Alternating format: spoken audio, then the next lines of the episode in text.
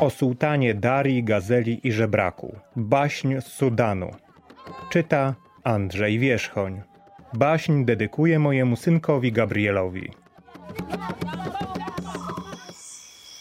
Dawno, dawno temu żył w pewnym mieście człowiek imieniem Dari.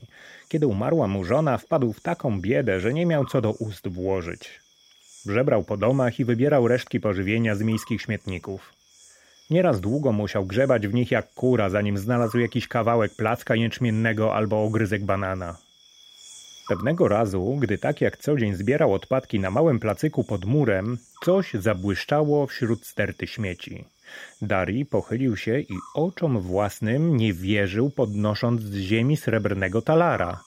Długo obracał go w dłoni, ważył, przyglądał mu się i myślał – Zaraz sobie kupię chleba, dużo chleba i mięsa, soczystego, wspaniałego, smakowitego mięsiwa, a może starczy i na jakiś taki przywdzianek z tych łachmanów cała skóra mi już prześwieca.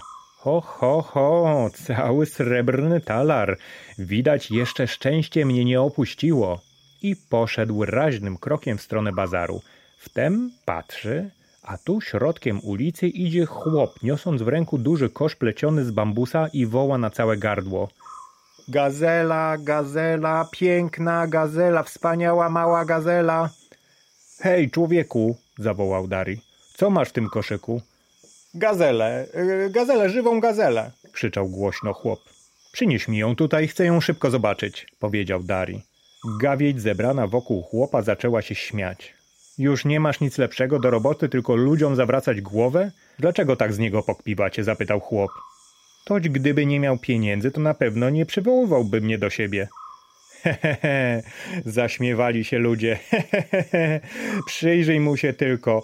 On ma tyle majątku, ile wyskrobie ze śmietnika. Codziennie jak kura grzebie w tych wszystkich brudach. Gdyby miał choć grosz przy duszy, zawołał gruby sprzedawca, toćby nie myślał o twojej gazeli, ale by kupił sobie garść prosa, boć przecie zawsze jest głodny. Siebie nie może wyżywić, a jakże mógłby wyżywić gazelę? Ech, głupstwo, głowę tylko zawraca, wtrącił się właściciel straganu z owocami. Toć on nie ma nawet na kupno garści fig. Ja tam nic o tym nie wiem. Ja mam swój towar. Jeśli mnie ktoś woła, to idę, odpowiada chłop, skrobiąc się w głowę. I skierował się w stronę Daraja. Ludzie szli za nim, ciekawi, co dalej będzie. Tak, drodzy państwo, mówi chłop, nieraz mi się zdarza, że mnie wołają bogacze. Hej, człowieku, podejdź do nas, y, sprzedaj nam gazelę, a później, jak ją obejrzą z bliska, kręcą nosem, że za mała, że za droga i nie kupują jej. Także w handlu nic nie wiadomo. No, no, nie wierzysz nam, rzekli przechodnie, ale my ci mówimy prawdę. Od kiedy żona mu umarła, groszem nie śmierdzi, toż nasz miejski żebrak. Ciekawe, jak się z tego wywinie, gdy się okaże, że chciał cię nabrać. Będziesz musiał się z nim policzyć, żeby mu się odechciało podobnych żartów. Stroić sobie żarty z człowieka dźwigającego ciężary, to jakby było trochę za wiele, rzekł chłop, stawiając kosz z gazelą przed Darianem. Wziął ją na ręce, pogłaskał po głowie i rozluźnił sznury, którymi była spętana. Potem zapytał chłopa. Ile chcesz za tę gazelę? Jednego talara, odparł sprzedawca. Ludzie naokoło chichotali, a brodaty kupiec dywanów aż się za boki trzymał ze śmiechu. No i co teraz zrobisz? Skąd weźmiesz talara, ty nędzarzu? mówili. Dlaczego tak się ze mnie śmiejecie? zapytał biedak. Czy wam coś złego uczyniłem? Czy was obraziłem kiedykolwiek? Dlaczego sądzicie, że mógłbym okłamać tego człowieka i narazić go na próżny trud? To mówiąc, wyjął z zanadrza srebrnego talara i kupił gazelę. A widzicie? powiedział uradowany chłop, smokając z zadowoleniem i obracając talara w palcach. Stoją tacy panowie w jedwabnych turbanach, w kosztownych szatach, tłuści, brzuchaci, najedzeni i nic tylko wydziwiają i nie kupują. A ten biedak od razu zapłacił za gazelę ile się należy. Nawet nic się nie targował. Jakbym was słuchał, to bym do wieczora mógł stać z moim towarem na słońcu i wołać Dobrzy ludzie, dobrzy ludzie, kto z was kupi gazelę śliczną i łagodną, dobrą i pożyteczną, młodziutką gazelę? I śmiejąc się poszedł do domu na wieś. A Daraj wziął gazelę na ramiona i zaniósł ją do swego legowiska w starych kamieniołomach pod miastem. Tu dał jej pić. Wyszukał trochę prosa i nakarmił głodne zwierzątko. Potem ułożył ją na macie, na której spał, a sam wyszedł z dzbankiem, bo chciał wyżebrać dla niej trochę mleka. Tak minęło kilka dni. Daraj zrywał się o świcie, szedł do śmietnika, wygrzebywał garstkę prosa, czasem znajdował nadgniłe banany albo parę fig i dzielił się z gazelą. Nie zawsze udawało mu się zdobyć dla niej mleko, a o trawę było trudno, bo wokół miasta wszystkie łąki wypaliło po prostu słońce. Tak więc nieraz i Dari i Gazela bywali zwyczajnie głodni. Pewnego razu o północy, kiedy Daraj spał już od dawna, nagle zbudziła go Gazela, która wstała z maty, zaczęła lizać go po twarzy, a potem przemówiła ludzkim głosem. Panie mój, wysłuchaj mnie. Co ja słyszę? To sen czy jawa? Pewnie mi się śniło. Zerwał się żebrak przestraszony ze swojego legowiska. Tak, na pewno mi się śniło, ponieważ gazele nie mówią ludzkim głosem. Jakiż ze mnie głupiec. Ale tuż obok niego znów rozległ się głos gazeli. Uspokój się, panie, i wysłuchaj mnie uważnie. Od chwili, kiedyś mnie wykupił za cenę tak wysoką i przyniósł tutaj, mogłam stąd już wiele razy uciec, ale nie uczyniłam tego bo byłeś dla mnie tak dobry. Dla mnie poniosłeś przecież taki duży wydatek. Całego srebrnego talara oddałeś temu chłopu, który mnie schwytał w lesie i przyniósł na targ. Dzieliłeś się ze mną każdym kęsem strawy, żebrałeś dla mnie o mleko i sam przymierałeś głodem, byle mnie nakarmić. Postanowiłam więc, że cię nie opuszczę, ale musisz się na jedno zgodzić. A czego pragniesz? Mów śmiało, rzekł biedak. Chciałabym codziennie przed świtem odchodzić stąd, pędzić daleko w las i stepy, paść się na soczystych łąkach nad rzeką i jeziorem, a kiedy słońce zajdzie za góry, wracać do ciebie tutaj. W ten sposób i tobie będzie lżej, bo nie będziesz się musiał troskać o me wyżywienie, a ja zaznam upragnionej swobody. Tak, tak, mój panie, na twoim wikcie pozostałabym na zawsze maleńka i słaba. Rób jak chcesz, powiedział zatroskany żebrak. Wierzę, że wolisz zielone stepy niż moją nędzę, ale smutno mi będzie bez ciebie, smutno i pusto. Więc cię tylko proszę, wróć do mnie, nie opuszczaj mnie. Ależ na pewno wrócę, ucieszyła się gazela. To dobrze, że sam pozwalasz mi odejść, a więc żegnaj do jutra wieczór. Tu mówiąc wstała szybko i pomknęła w dal. Chwilę jeszcze słyszał Dara, jak biegła. Dolatywał ją szmer spadających kamieni i szelest traw potrącanych jej lotnymi nóżkami, a potem wszystko ucichło. Ach, moja śliczna gazelo, już cię pewnie więcej nie zobaczę. I zwiesiwszy smutnie głowę, poszedł grzebać w śmietniku. Sąsiedzi, widząc, że nie ma już gazeli, zaczęli się z niego śmiać i dogadywali. Uciekła ci co, Daraj? nie martw się, kupisz sobie drugą. U ciebie o talary łatwo. A drudzy mówili, nawet nieme stworzenie i to opuściło takiego niedołęgę, co tylko żebrać potrafi. Biedak z płaczem uciekł przed nimi i skrył się w swojej noże wydrążonej w skale. Słońce zaszło, zapadła noc, Daraj spać nie może, przewraca się na twardej macie z boku na bok i wciąż nasłuchuje. A nóż gazela wróci. Może mówiła prawdę? Pomyślał Daraj. Ale nie, to niemożliwe. Po cóż by miała wracać do takiego nędzarza jak ja, porzucać lasy i zielone polanki pachnące od ziół? Wtem usłyszał szmer osypujących się kamieni, a potem lekki tentent. Za chwilę gazela stała przy nim i trącała go wilgotnymi chrapkami. Daraj śmiał się i płakał z radości. Więc jednak wróciłaś, gazelo, a ja już myślałem, że cię więcej nie zobaczę, gazela powiedziała. Więc nie wierzyłeś moim słowom. Przyrzekłam ci, że wrócę i wróciłam. Ja nie opuszczam swoich dobroczyńców i wiem, co to wdzięczność. Tak trwało już długi czas. We dnie gazela pasła się na wolności, biegała po górach i stepach, a na noc wracała do Daraja. Urosła, zmężniała, stała się śmigła jak ptak i śliczna była, że wprost napatrzyć się nie można było. Ludzie wreszcie spostrzegli, że gazela co wieczór wraca do legowiska żebraka i zapłonęli ciekawością. A może Daraj to czarodziej? Może tylko udaje nędzarza, a ta gazela to jakaś zaczarowana księżniczka? W tym coś musi być, mówili. Jak świat światem jeszcze się nie zdarzyło, by dzika gazela wracała z lasu do człowieka. Nic tylko jakiś czary rzucił na nią, trzeba by ją schwytać, może wtedy dowiemy się prawdy. Wieczorem pytał Daraj Gazelę. Opowiedz mi, droga przyjaciółko, czy pięknie jest tam, skąd wracasz codziennie? Jak spędzasz swe dnie? Ach, mój panie, opowiadała gazela, tam skąd przychodzę jest pięknie, jak nigdzie na świecie. Las jest gęsty i ciemny, a na polanach rośnie zielona, miękka trawa i kwitną kwiaty. Układam się w cieniu paproci, gdy jestem zmęczona biegiem i odpoczywam tam. Ptaszki śpiewają w gęstwinie, niedaleko płynie strumyk, w którym kąpię się codziennie. Muszę tylko uważać na myśliwych. Pewnego razu któryś z nich strzelił do mnie, ale uskoczyłam w bok, a raz znów ledwie wydostałam się z paści. O, nie wszyscy ludzie są tak dobrzy jak ty, mój panie. W moim lesie nie ma żadnych dróg i przesiek. Są tylko ścieżki wydeptane przez jelenie i dziki, a za lasem rozciąga się step gdzie trawy są wysokie, że cała się w nich kryje. Na stepie siedzą lwy, leopardy i słonie, więc niechętnie tam przebywam. Lubię najbardziej góry, czuję się bezpieczna. Na szczytach kamienistych i wysokich, gdzie rośnie tylko mech i niskie krzewiny, a niebo jest tuż nad moją głową. Ach, jakbym chciał tam z tobą być, gazelo, westchnął biedak.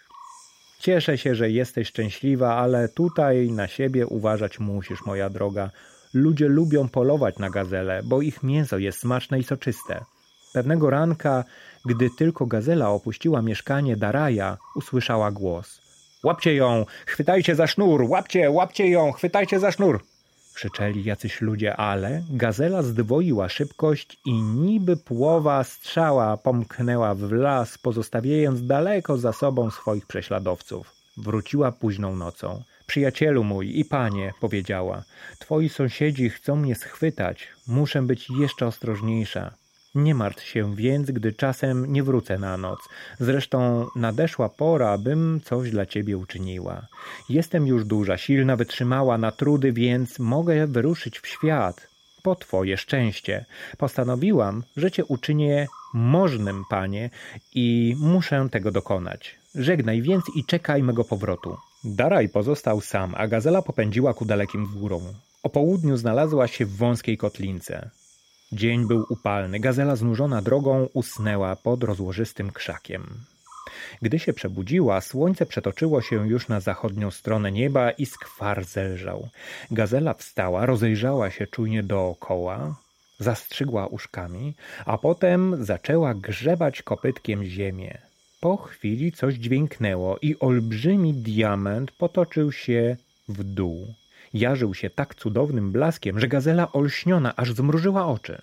Ależ błyszczy, ucieszyła się, jak gwiazda na niebie. Gdybym podarowała go mojemu panu, nie musiałby więcej szukać dla siebie pożywienia na śmietniku. Skończyłaby się jego bieda, ale nie zrobię tego. Na pewno by go zabili źli ludzie albo uwięzili, myśląc, że skradł ten kamień, bo skądże u biedaka taki skarb? Jeszcze bym gotowa memu panu nieszczęście przynieść.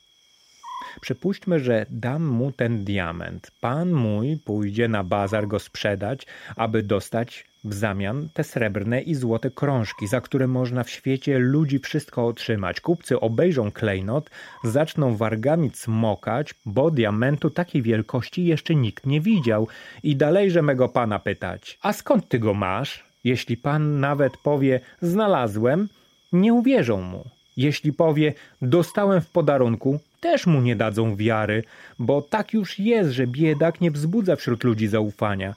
O nie, za nic nie wrócę do mego opiekuna z tym skarbem. Ten diament zabrałby mu życie lub wolność. W inny sposób mu muszę pomóc. Pochwyciła diament i szybko popędziła w dolinę.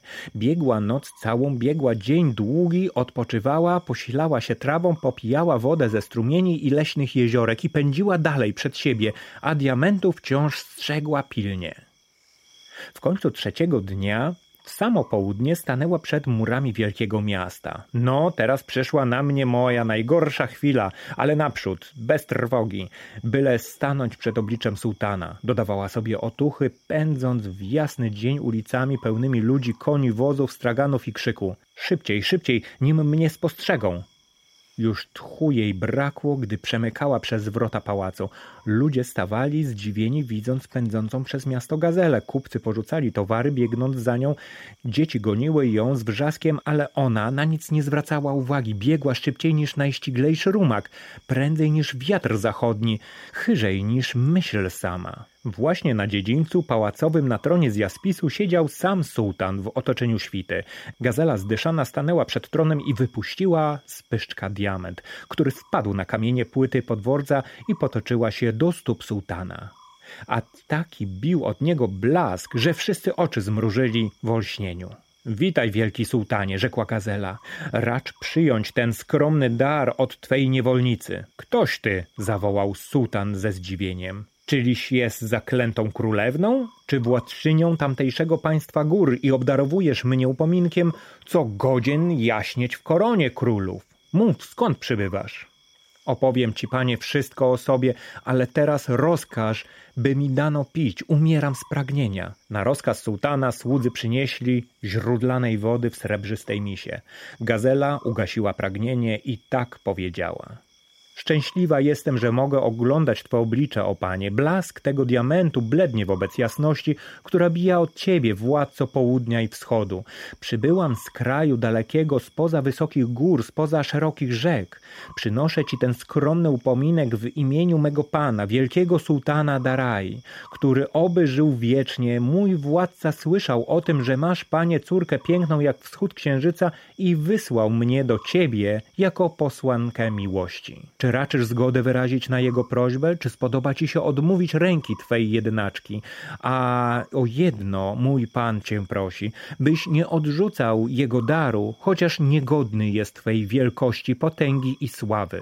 Zdumiał się sułtan wielce na tę przemowę gazeli i powiedział – Powiedz swemu panu, że wdzięcznym sercem przyjmuje jego świetny dar oczy moje radę, by jednak oglądać wielkiego sułtana we własnej osobie, zanim bym mu miał oddać jedyną córkę moją, jutrzenkę mego życia, nadzieję mego tronu. A teraz, droga posłanko dalekiego władcy, musisz odpocząć po trudach podróży. Hej tam, służba! Odprowadźcie gazelę do pawilonu róż. Przynieście najmiększą matę, najkosztowniejszy kobierzec i złotą misę z mlekiem i ryżem. Dzięki ci, wielki sułtanie, słońce południa za gościnę. Chętnie odpocznę w twym pałacu przez noc, bo jutro skoro świt ruszam w drogę powrotną. Żegnaj więc, panie, i zachowaj mnie w swojej pamięci. Zjawię się niedługo w twych progach razem z potężnym sułtanem Daraj, który oby żył wiecznie. Szczęśliwej życzę ci drogi, odpowiedział sułtan. Obym rychło zobaczył twego pana, a tymczasem w miasteczku, gdzie żył Daraj, wszyscy naśmiewali się z biedaka, który nie jadł, nie pił, tylko dniem i nocą wyglądał powrotu swojej ulubionej gazeli. Gazeli ci się zachciało, ty durniu! krzyczeli jeden przez drugiego, naśmiewając się. Od kiedy to żebrak wydaje ostatni grosz za kupno takiego zwierzęcia? Co to ani mleka nie daje jak koza czy krowa, ani nie potrafi jeździć w zaprzęgu i dźwigać ciężarów jak koń czy wół. Żeby się przynajmniej chociaż zabił, to miałbyś przynajmniej mięso, aleś ty głupcze puścił ją na swobodę. Kiedy już Daraj całkiem stracił był nadzieję ujrzenia gazeli, ta zjawiła się w jego legowisku nocą zdrożona i zdyszana od biegu. Ach, wróciłaś, moja gazelo, jesteś znów ze mną, moja przyjaciółko droga, wykrzyknął z radości. A ja już byłem pewien, że alboś mnie zostawiła, albo ci się coś złego przydarzyło po drodze. Czy jesteś zdrowa, czy nikt cię nie skrzywdził? Zasypywał ją pytaniami szczęśliwy jak dziecko. Już cię opłakiwałem przez te dni i miejsca sobie nie mogłem znaleźć. Teraz proszę cię, opowiadaj, coś zrobiła, gdzieś była tak długo. Tak się cieszę, że cię znowu mogę widzieć. Nie jestem już tak biedny i samotny na świecie, kiedy ty przy mnie jesteś. Och, panie, rzekła gazela, ja nie zapominam o mych dobroczyńcach. Leżałam na miękkich kobiercach wśród róż, jadłam na złotych misach, a przez cały czas myślałam o tym, jakby ciebie, mój wybawco, uszczęśliwić. Wydaje mi się, że wkrótce cel swój osiągnę, tylko musisz mnie słuchać we wszystkim i o nic nie pytać. Ale teraz jestem znużona, czas na odpoczynek. Jutro przed nami daleka droga. Z tymi słowy gazela ułożyła się do snu na garstce słomy, a jej daraj, uszczęśliwiony jej powrotem, zasnął wkrótce bardzo głęboko. O świcie gazela zbudziła go i powiedziała: Zabierzesz ze sobą tylko kij wędrowny, resztę zostaw tutaj. Nigdy tu już nie powrócimy. Daraj roześmiał się i rzekł: A co ja mam więcej, moja gazelo, prócz kija żebraczego i tych łachmanów na grzbiecie? Tę garść prosa, przegniłą matę i stary dzban na wodę mogę zostawić tutaj bez żalu, a ludzi też mi nie szkoda opuszczać, byli źli dla mnie, wyśmiewali się z mojej nędzy, poszturchiwali mnie, przeganiali z bogatszych ulic, a już najbardziej kpili ze mnie dlatego, że cię odkupił za całego srebrnego talara, moja gazelo, i troszczyłem się o ciebie. Wyruszyli w drogę, po długiej wędrówce zaszli pod krzak, ten sam, pod którym gazela przemieniła kamień w błyszczący diament. Tutaj się zatrzymali i gazela tak powiedziała. O panie mój i wybawco, nazbieraj do sakwy tych kamyków, co leżą rozsypane na ziemi. Daraj zdziwiony już chciał się roześmiać na to dziwne polecenie, ale przypomniał sobie, że nie wolno mu o nic pytać, więc się schylił i pozbierał kamyki. A teraz chodź ze mną do gaju oliwnego, co tam rośnie w dali. Poszli do gaju. Daraj najadł się oliwek, popił wodą ze strumienia i powiedział do gazeli. Zmęczony jestem setnie, droga przyjaciółko. Te kamienie w sakwie są takie ciężkie, jak jakieś głazy. Muszę się teraz drzemnąć trochę na trawie, w tym chłodku, a i tobie radzę to samo uczynić. Śpij, panie, spokojnie, odparła gazela. Ja w tym czasie będę czuwać przy tobie. Jak tylko Daraj zasnął, gazela poszła nad strumień i zawołała. Pawiu, Pawiu, piękny Pawiu, przyjdź do swojej siostry.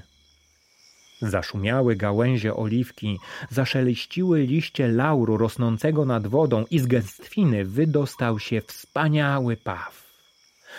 Poczerwieniało, pobłękitniało, zazłociło się dookoła.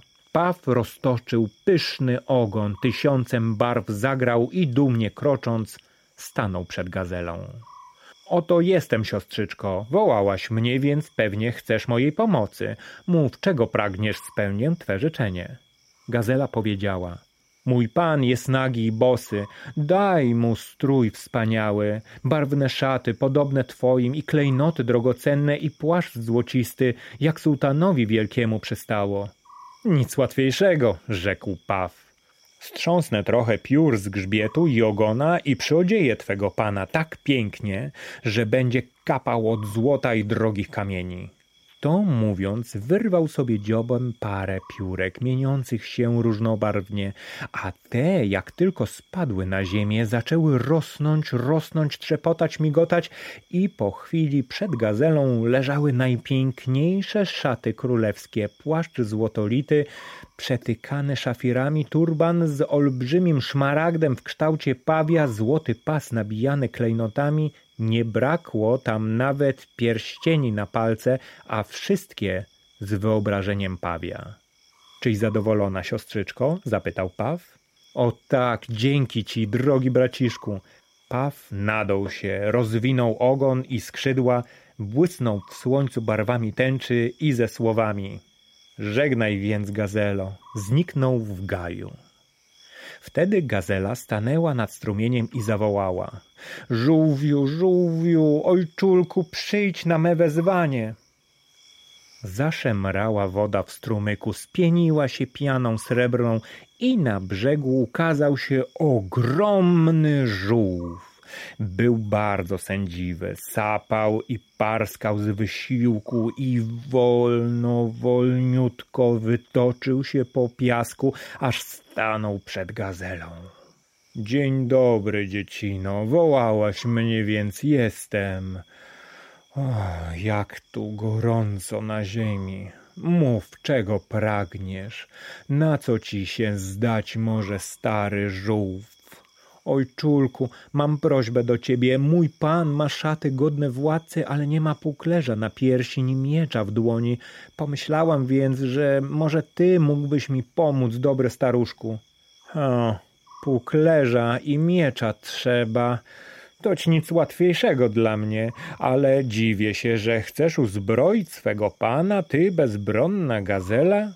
Człowiek jest zawsze dla nas niebezpieczny, nawet jak nie ma zbroi. Bacz, byś nie pożałowała swojego kroku, córeczko.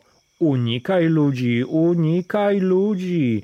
Tak, tak, moja droga, stary jestem. Wielem widział na świecie, wielem razy uciekał z ludzkiej niewoli. To plemię jest dla nas groźniejsze niż głód czy susza.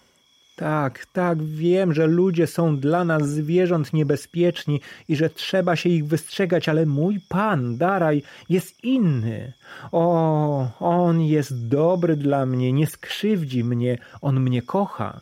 Ostatnią garstką prosa się ze mną dzielił, o mleko dla mnie żebrał, gdy byłam jeszcze mała. Wykupił mnie od chłopa, który mnie pochwycił w sieci wtedy, gdy moją matkę zabili myśliwi. Dał za mnie srebrnego talara znalezionego na śmietniku, a wiem, że nie miał wówczas co do ust włożyć. Tak był ubogi. Daraj, mój pan, jest najlepszym z ludzi. Muszę mu pomóc, muszę mu się odwdzięczyć za jego dobroć dla mnie. Ha, jeśli to prawda, jeśli jest taki, jak mówisz, to rzecz inna, rzekł żółw kołysząc głową. Ale hmm, co ja chciałem powiedzieć? Aha, e, jak gorąco, więc mm, wierzyć się nie chcę. Tyle lat żyję, a jeszcze mnie słyszał o człowieku takim.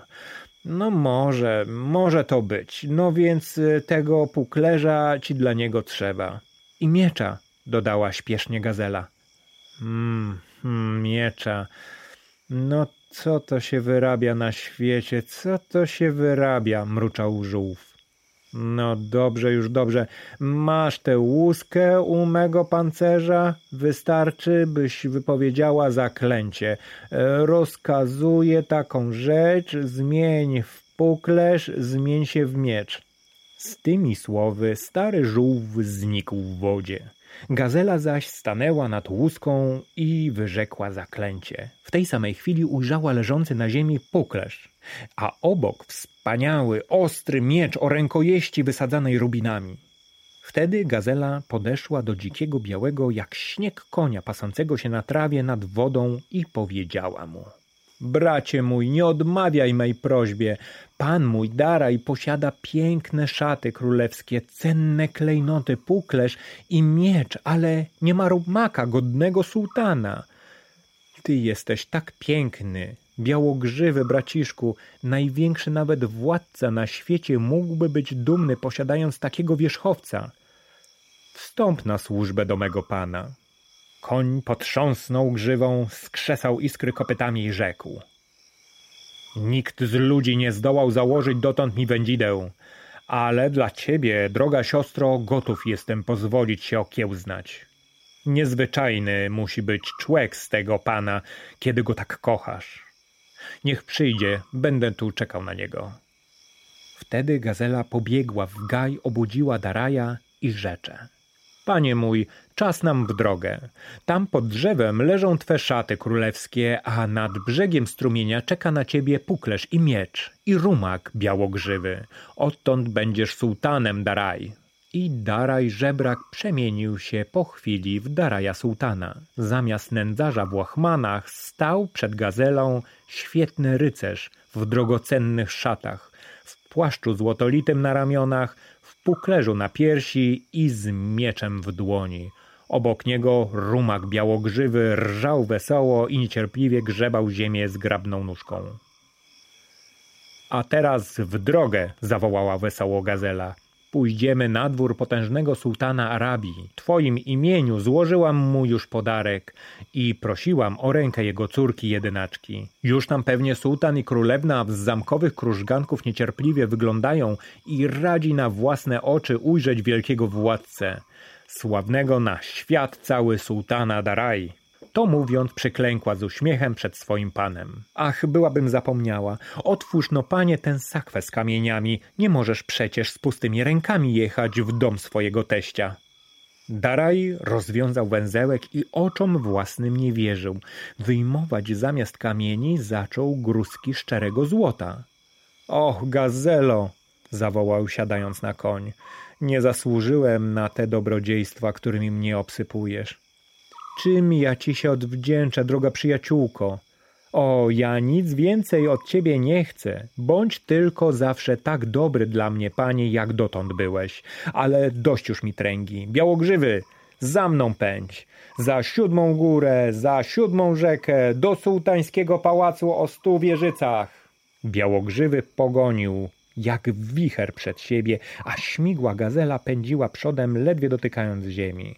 Trzeciego dnia stanęli u wrót stolicy.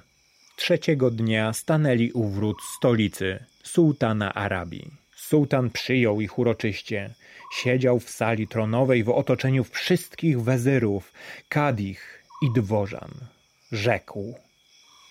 Witaj, sułtanie Daraj, witaj gazelo, witajcie w mym królestwie. Miłymi jesteście gośćmi dla nas i od dawna wyglądanymi. Snać Twe królestwo, wielki rycerzu, w dalekich leży stronach, skoro nikt z nas nie słyszał o nim, ani nikt go widzieć nie miał szczęścia.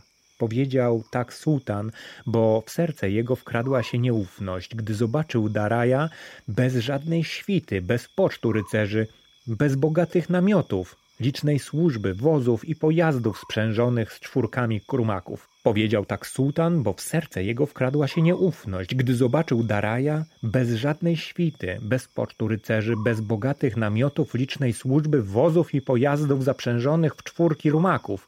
Jeszcze nikt z sułtańskiego rotu nie jeździł samopas po świecie. Zanim Daraj zdążył odpowiedzieć, rzekła Gazela – Wielki sułtanie, światło życia, zdroju, łask wszelkich. Pan mój tak gorącą zapałał miłością do Twej córki, której piękność opiewają poeci całego świata, że nie mogąc poskromić swojej niecierpliwości, pozostawił świtę daleko w lesie, o siedem dni drogi stąd, a sam, co koń wyskoczy, ruszył do Twego pałacu. Zabrał ze sobą tylko skromny dar, który ośmiela się złożyć u stóp tronu. Tu dała znak Darajowi, a ów wysypał z sakwy złoty kruszec. A było tego takie mnóstwo, że nawet sam sułtan zdumiał się bogactwem Daraja i oddalił wszelkie nieufności z serca. Nazajutrz wyprawiono huczne zarękowiny. Daraj siedział u boku pięknej królewny Fatmy i tak się dumnie nosić zaczął, jakby urodził się sułtanem. Wtem królewna zapytała – Daraj, panie mój, opowiedz mi proszę o państwie twym, co odtąd i moim zwać się będzie. Ale Daraj tak był pewny, że gazela mu wyczaruje jakoweś królestwo, że ani się nie zająknął i zaczął opowiadać i przechwalać się, jakim to on wspaniałym królestwem nie włada, jak piękny ma pałac, jakie skarby niezliczone, ile stadnin koni, ile tysięcy wielbłądów. Słyszała to wszystko gazela i w nocy, gdy wszyscy spali, rzecze do Daraja. Panie mój, czas pomyśleć o tym, co będzie dalej. Na razie nie masz ani świty, ani królestwa i boję się, że niełatwo nam przyjdzie je zdobyć. Na to Daraj wybuchnął śmiechem i wyciągnąwszy się wygodnie na miękkiej sofie rzekł. Dopóki mam ciebie, gazelo, nie martwię się o takie głupstwa jak świta i królestwo. Już twoja w tym głowa by mnie posiadał. A teraz dobranoc, moja droga, strasznie jestem senny. Chwilę milczała gazela, a na koniec rzekła. Posłuchaj mnie, panie, tej nocy muszę wyruszyć w drogę, iżby zdobyć dla ciebie to, czego nie masz. Ale czuję, że niebezpieczna to będzie podróż. Mogę w niej zginąć, a wtedy ty staniesz się znów żebrakiem, Daraj. Daraj ziewnął szeroko i rzekł z niezadowoleniem. Ależ gazelo, po co snuć takie smutne myśli? Na pewno wszystko ci się uda i wrócisz zdrowa i cała, aby obdarzyć swego pana królestwem. No a teraz żegnaj, droga przyjaciółko, senny jestem, a wracaj rychło, bo się będę gniewał. Noc była głucha, gdy gazela wybiegła z pałacu. Wkrótce pozostawiła za sobą mury stolicy i zagłębiła się w gęsty bór. Przystanęła pod dębem olbrzymim jak dom i cichutko zawołała. Hu, hu, hu, hu, wyjdź do mnie, to ja, Gazela, twoja siostra. Przez chwilę było cicho w lesie, jak makiem zasiał, a potem nagle zaszumiało, załopotało coś skrzydłami i wielka sowa usiadła na gałęzi, wołając chrapliwie – Hu, hu, hu, hu, witaj siostro, witaj. Cóż cię sprowadza do starej sowy? Mów. Droga siostrzyczko, przychodzę do ciebie o poradę. Cały świat wie, że jesteś najmądrzejsza w puszczy. Ty znasz wszystko. Powiedz mi, czyś nie słyszała przypadkiem o jakimś opuszczonym królestwie, które trzeba wyzwolić spod władzy złego czaru? A na co ci ta wiadomość? Hu, hu, powiedziała sowa. Muszę takie królestwo odnaleźć i zdobyć, bo mój pan Daraj ma piękne szaty, zbroję godną króla, złota i drogich kamieni w brud, ale nie ma własnego królestwa. Jest sułtanem bez ziemi i poddanych. Przy mojej pomocy otrzymał rękę królewny, córki wielkiego władcy Arabii i teraz musi swą młodą małżonkę przywieźć do własnej stolicy, inaczej poniesie śmierć sromotną. Sowa długo milczała, usłyszawszy opowieść gazeli, aż w końcu w te słowa się odezwała. Musi być dobry twój pan, jeśli go darzysz taką miłością, gazelo. Hu, hu. Strzeż się tylko, by cię nie zdradził. O, mój pan mnie nie zdradzi, nigdy jestem tego pewna, a ja jestem mu wierna wdzięczność. Za jednego srebrnego talara wykupił mnie z niewoli. Ha, hu, hu. Jeśli tak, to ży... mogłabyś tam spróbować szczęścia. Kraj i ludzi wyzwolić i swemu panu tron zdobyć. Ach, sówko moja ty śliczna, powiedz, gdzie leży to królestwo?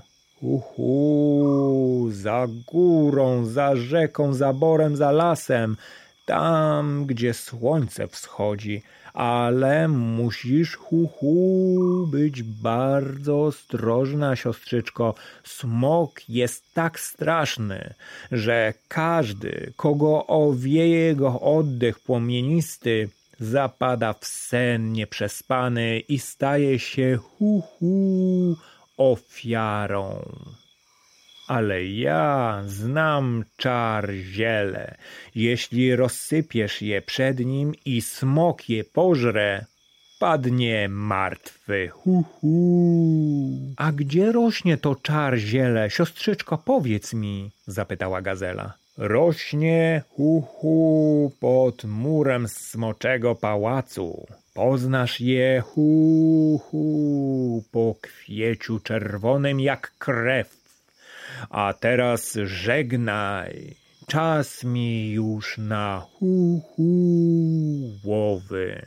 To mówiąc, sowa uleciała w las.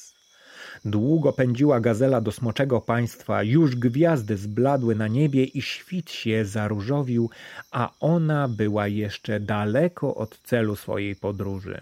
Dopiero o zmierzchu dnia następnego stanęła pod murami miasta. Wielkie było bogate, o stu wieżycach, stu bramach, na górze zamek potężny z czterema basztami, murem otoczony zębatym. Minęła ulicę jedną, drugą, trzecią, wszędzie cicho, ni pies nie zaszczeka, ni ptak się nie odezwie, ludzi dużo naokoło, stoją przy straganach, na palcach, siedzą na progach domów albo leżą na ulicach pokotem. Dziwi się gazela, patrzy dookoła, wietrzy, Chrapki rozdyma, trąca pyszczkiem jednego, drugiego człowieka, ani drgną, tylko ciężko wzdychają. A, myśli gazela, sowa mówiła prawdę. Ci wszyscy ludzie śpią snem nieprzespanym, zatruci smoka oddechem. Przybiegła pod mur zamkowy, znów patrzy, słucha, uszkami strzyże i węszy. Nigdzie ni żywej duszy, wszędzie panuje martwa cisza. Nawet ptaki, motyle i chrząszcze omijają smoka pałace z daleka. Szuka gazela czarziela pod murami pałacu, obeszła już basztę jedną, obeszła już basztę drugą, trzecią, nie odnalazła nic. Wtem Patrzy, pod czwartą basztą coś się czerwieni na murze. Tak, ono, czar ziele, to kwitnie purpurowo ogniście jak krew płomień, a pachnie słodko niby miód najwonniejszy. Stanęła gazela nad zielem i myśli, i duma, jakby tu zerwać i samej nie zginąć od jadu. Gdy tak rozmyślała, ukryta w krzakach, nagle zazgrzytały zamkowe wrota, dotąd zamknięte na głucho, i z bramy basztowej wyszła maleńka, zgarbiona, pomarszczona staruszka. Podeszła do gazeli, stęknęła i rzecze. Zobaczyłam ja cię z okna wieży, moja mileńka, i wyszłam, by cię przestrzec, bo żal mi się zrobiło ciebie, takiej ślicznej, chorzej, miluśkiej. Uciekaj stąd co prędzej, nieostrożne stworzenie. To miasto i ten zamek należą do mego pana, strasznego smoka. Ktokolwiek zbliży się do niego, czy człowiek, czy zwierzę, zapada w sen nieprzespany. Tylko ja, jedna, w całej krainie nie ulegam czarowi, bo smok mnie oszczędził. Ważę mu codziennie strawę, jestem mu potrzebna, a ty, ach, uciekaj, jeśli ci życie miłe, gazelo.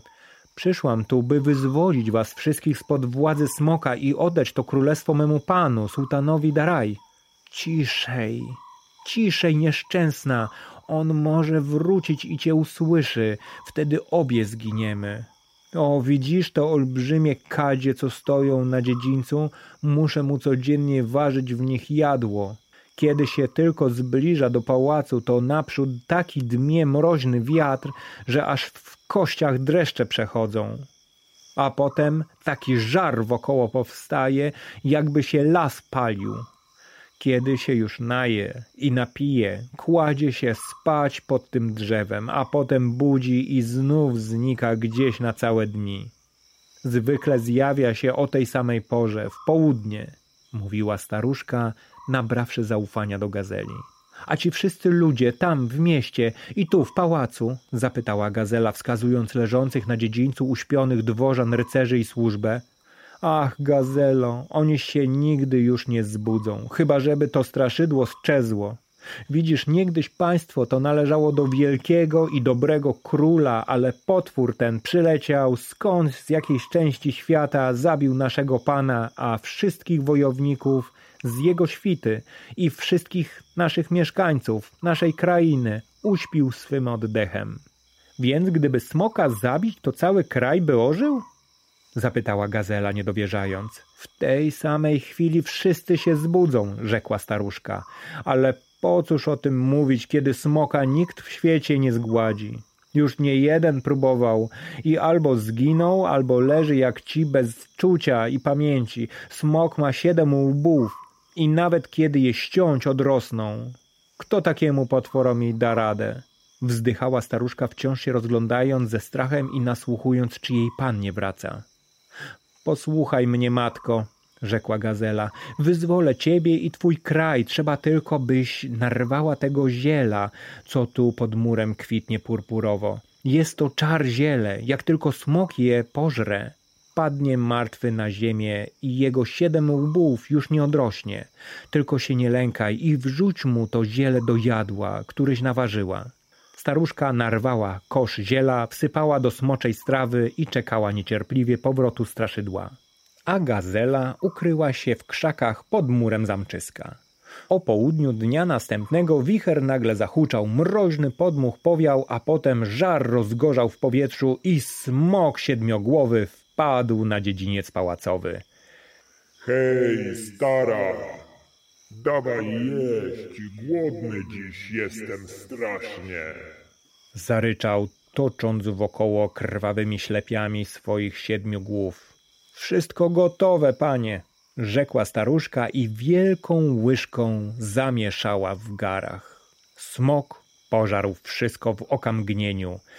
Wychlipał, wylizał, mlaskając siedmioma jęzorami i nagle zwalił się z rykiem na ziemię, ryjąc i drapiąc pazurami, aż iskry szły. Po chwili leżał już martwy. Gdy tylko smok wydał ostatnie tchnienie, wszystko dookoła ożyło. Dworzanie, świta, rycerze, damy dworskie, służba krzątała się wokół swych spraw, jak gdyby nigdy nic, jak gdyby nic się nie stało. Na ulicach miasta stało się gwarno i rojno, przekupnie krzyczeli, zachwalali swoje towary, dzieci bawiły się wesoło, ich rodzice pracowali w swoich domach i warsztatach, wozy z końmi turkotały po bruku, psy szczekały, żurawie studzienne skrzypiały, kobiety nosiły wodę w dzbanach, na głowach, wszystko cieszyło się życiem, słońcem i ruchem. Staruszka wydała okrzyk radości i skoczyła do gazeli tak szybko, jak gdyby jej latu było, jakby nowe siły w nią wstąpiły. O gazelo, wybawicielko nasza, bądź pozdrowiona, panuj nad nami i rządź, to królestwo jest twoje. Gazela rzekła. O nie, matko miła, to królestwo będzie odtąd należeć do mego pana sułtana Darai. Nie mam chwili do stracenia, muszę zaraz do niego jechać i oddać mu klucze do miasta. Przygotuj wszystko do drogi, mateczko, każ naładować wozy podarkami, złotą kolasę zaprząc w szóstkę koni. Wyznacz poczet najmężniejszych rycerzy, a bacz, by wszystko było godne wielkości i potęgi mego pana, a waszego króla. Po niedługim czasie na podwórku zamkowym stały dwie złote kolasy, a woźnice ledwie mogli utrzymać rwące się do biegu zaprzęgi białych rumaków. Rycerze w srebrzystych zbrojach czekali u wrót, wozy uginały się pod ładunkiem bogactw nieprzebranych. Na znak dany przez gazelę cała karawana ruszyła w drogę na dwór sułtana Arabii. Przed odjazdem gazela rzekła do starej ochmistrzyni. Bądź zdrowa, matko, czekaj naszego powrotu i pilnuj, by wszystko było w zamku gotowe na przyjęcie sułtana Daraj z małżonką. O, możesz być spokojna, gazelo, słońce mych oczu, ja już wszystkim się zajmę. To mówiąc, staruszka pogładziła gazelę po małej, ślicznej główce i zamknęła za nią wrota pałacu. Był już siódmy dzień od czasu, gdy Daraj przybył do pałacu sułtana, a gazeli ze świtą jak nie widać, tak nie widać. Dziwił się sułtan Arabii tak długiej nieobecności pocztu zbrojnych, których jego przyszły zięć miał ponoć pozostawić w lesie przed siedmioma dniami. Dziwiła się królewna, dziwili się dworzanie. Jedni mówili, że pewnie ich zbóje napadli, drudzy, że ich lwy zjadły, a jeszcze inni szeptali, że pewnie Dara jest jakimś przybłędą, nie żadnym sułtanem, a ta historia o świcie, rycerzach i królestwie jest zmyślona. Zachmurzyło się oblicze sułtana ojca, gdy doszły doń te wieści i szepty, więc rozkazał wezwać Daraja przed swoje oblicze. Daruj, mój synu, że cię niepokoję, ale droższe niż twój spokój jest dla mnie szczęście mej córki królewny Fatmy, która ma zostać twoją małżonką. Troskam się o losy gazeli i twej świty. Mówiłeś, że wyruszyła naprzeciw twoich rycerzy, a tu siódmy dzień mija i ich zaś ani śladu. Powiedz, sułtanie Daraj, gdzie zostawiłeś swych rycerzy? Gdzie zostawiłeś swych ludzi? Wyślę im naprzeciw zastęp mych zbrojnych wojowników, może potrzebują pomocy. I ja jestem niespokojny, panie, rzecze Daraj drżącym głosem. Odkąd opuściła mnie gazela, ani chwili nie przebyłem bez troski. Na pewno stać się coś musiało, nieszczęście jakoweś spotkało me sługi. Pozwól, panie mój ojcze, że wyruszę na zwiat razem z twymi rycerzami. Muszę odszukać moją gazelę, muszę. Prawdę mówi Daraj. Odkąd opuściła go gazela, stracił całą swą śmiałość i dumę. W miarę jak dzień za dniem upływał, a jej nie było z powrotem, coraz większy strach wkradał się w jego serce co bez niej uczyni? Jak wytłumaczy sułtanowi i narzeczonej brak królestwa i poddanych? Toż on prócz rumaka, szat, zbroi i klejnotów nic nie posiada na świecie, a ma zostać zięciem sułtana Arabii. Co będzie, jak wszystko się wyda? Przyjdzie mu chyba zginąć marnie z rąk się paczy samego władcy. Wszystkiemu winna gazela. Gdyby nie ona, nigdy bym nie wpadł w takie opały. Jak mogła teraz mnie opuścić? rozmyślał gniewnie, snując się po pałacu sułtańskim. Teraz, gdy tak stał przed królem i odpowiadał na jego pytania, wszystkie te myśli przenikały mu raz jeszcze przez głowę. Wtem spoza bram pałacu dobiegło go donośne granie trąb, dźwięk zbroi, bicie w kotły i bębny, gwar wielu głosów, okrzyki i śmiechy. Daraj spojrzał przez okno i wykrzyknął radośnie: Gazela, to gazela wróciła z moją świtą. Gazela! To gazela wróciła z moją świtą! Była to w samej rzeczy gazela, wraz z całym pocztem rycerzy i taborem wozów, jucznych mułów, wielbłądów i osłów. Rozpogodziło się oblicze sułtana, a z lica królewny Fatmy zniknął smutek i niepokój, a już najbardziej cieszył się Daraj. Wieczorem, gdy został sam w komnacie, wezwał gazelę i jął ją rozpytywać o swoje królestwo, czy aby wielkie i potężne, czy pałac bogaty, ile ma komnat i służby, jakie stajnie, ile tysięcy koni i wielbłądów. Zaspokoiwszy swoją ciekawość, poklepał gazelę po szyi i rzekł: No, widzę, moja droga, że nie będę się wstydził przed Fatmą. Ale mogłaś mi oszczędzić tylu dni czekania. I wyciągnąwszy się na łożu, oddalił gazelę skinieniem dłoni. Wkrótce wyprawiono wspaniałe weselisko. Sproszono gości z bliska, z daleka. Cały pałac królewski rozbrzmiewał tańcem, śpiewem i zabawą. A potem Daraj wraz z młodą małżonką w otoczeniu świty, ze łzami żegnany przez sułtana ojca, wyruszył w drogę do swego królestwa. Gazela biegła na przedzie. Roboty miała huk, bo i drogę musiała wskazywać, i wyznaczać miejsca postoju, i dbać o porządek. Jednym słowem, kłopotów miała co niemiara. Jej pan, sułtan Daraj, jechał z młodą małżonką w złotej kolasie wybitej błękitnym aksamitem i ozdobionej perłami. Tak był szczęśliwy, o świecie całym zapomniał, wpatrzony w cudne lico Fatmy. Tylko od czasu do czasu rzucał rozkazy służbie i rycerzom.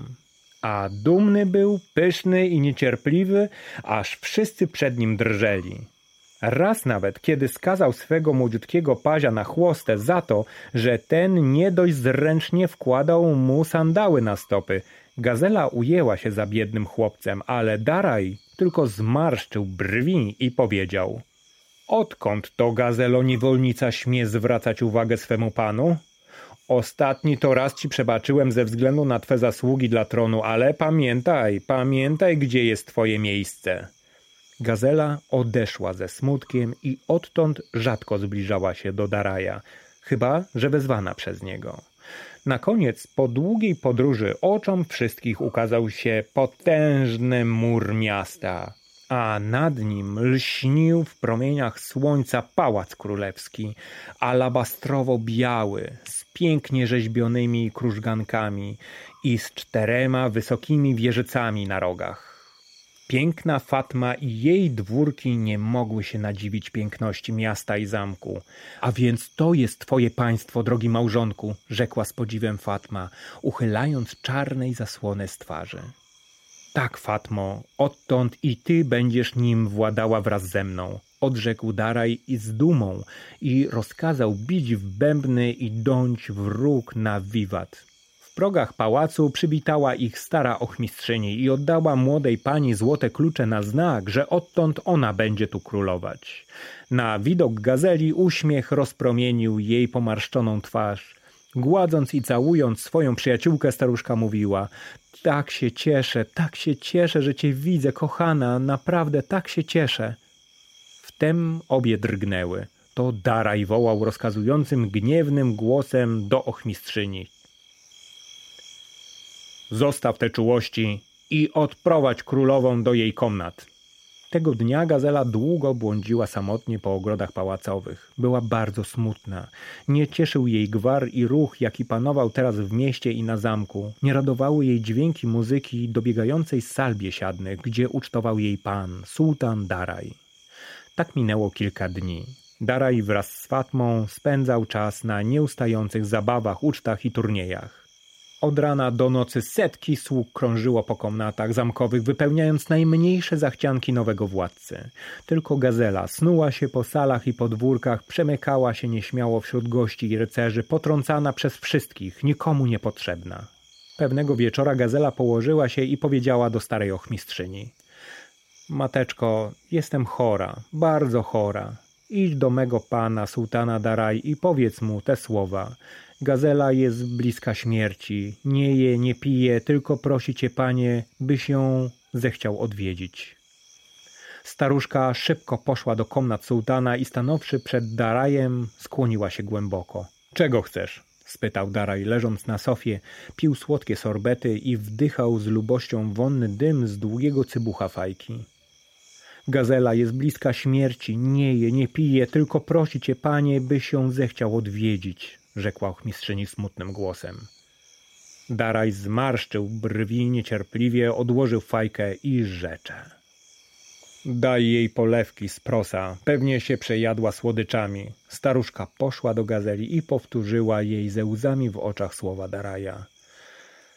Niedobry jest mój pan, najdroższa. Tyś dla niego życie poświęciła, królestwo mu zdobyłaś, a on taką ci odpłaca czarną niewdzięcznością. Gazela zapłakała gorzko, ale nic nie powiedziała. Nazajutrz mówi do staruszki.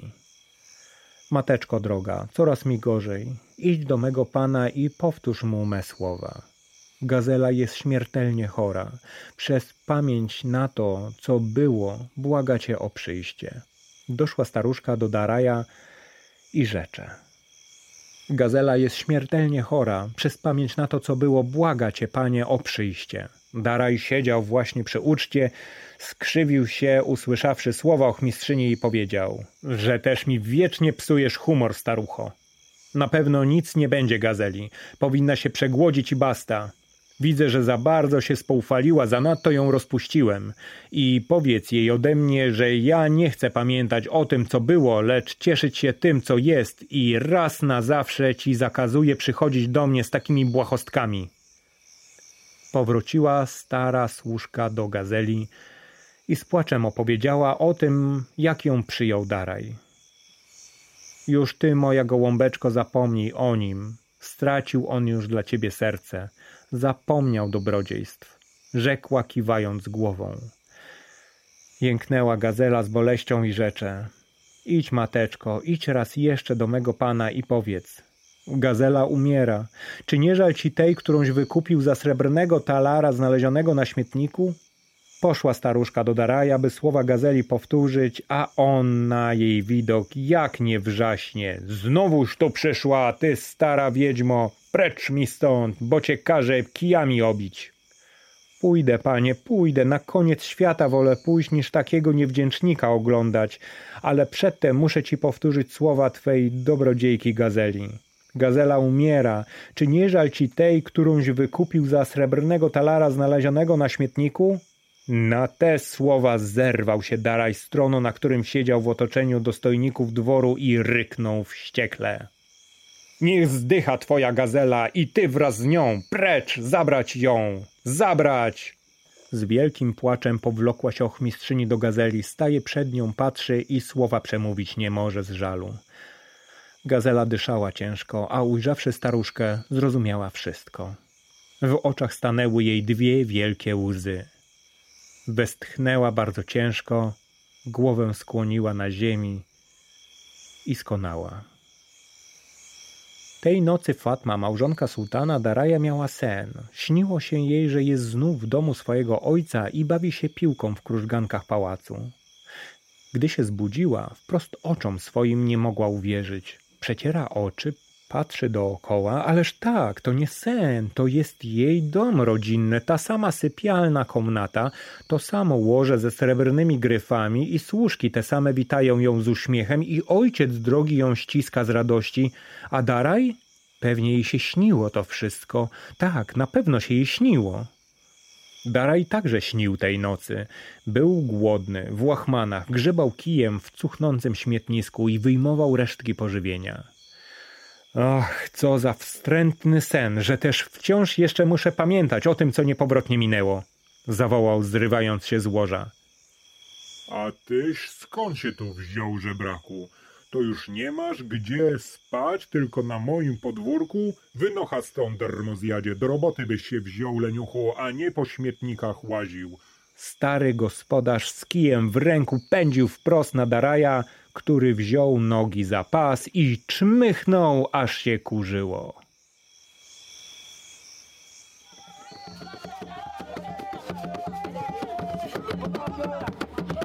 O sułtanie Darii, Gazeli i Żebraku. Baśń z Sudanu. Czytał Andrzej Wierzchoń.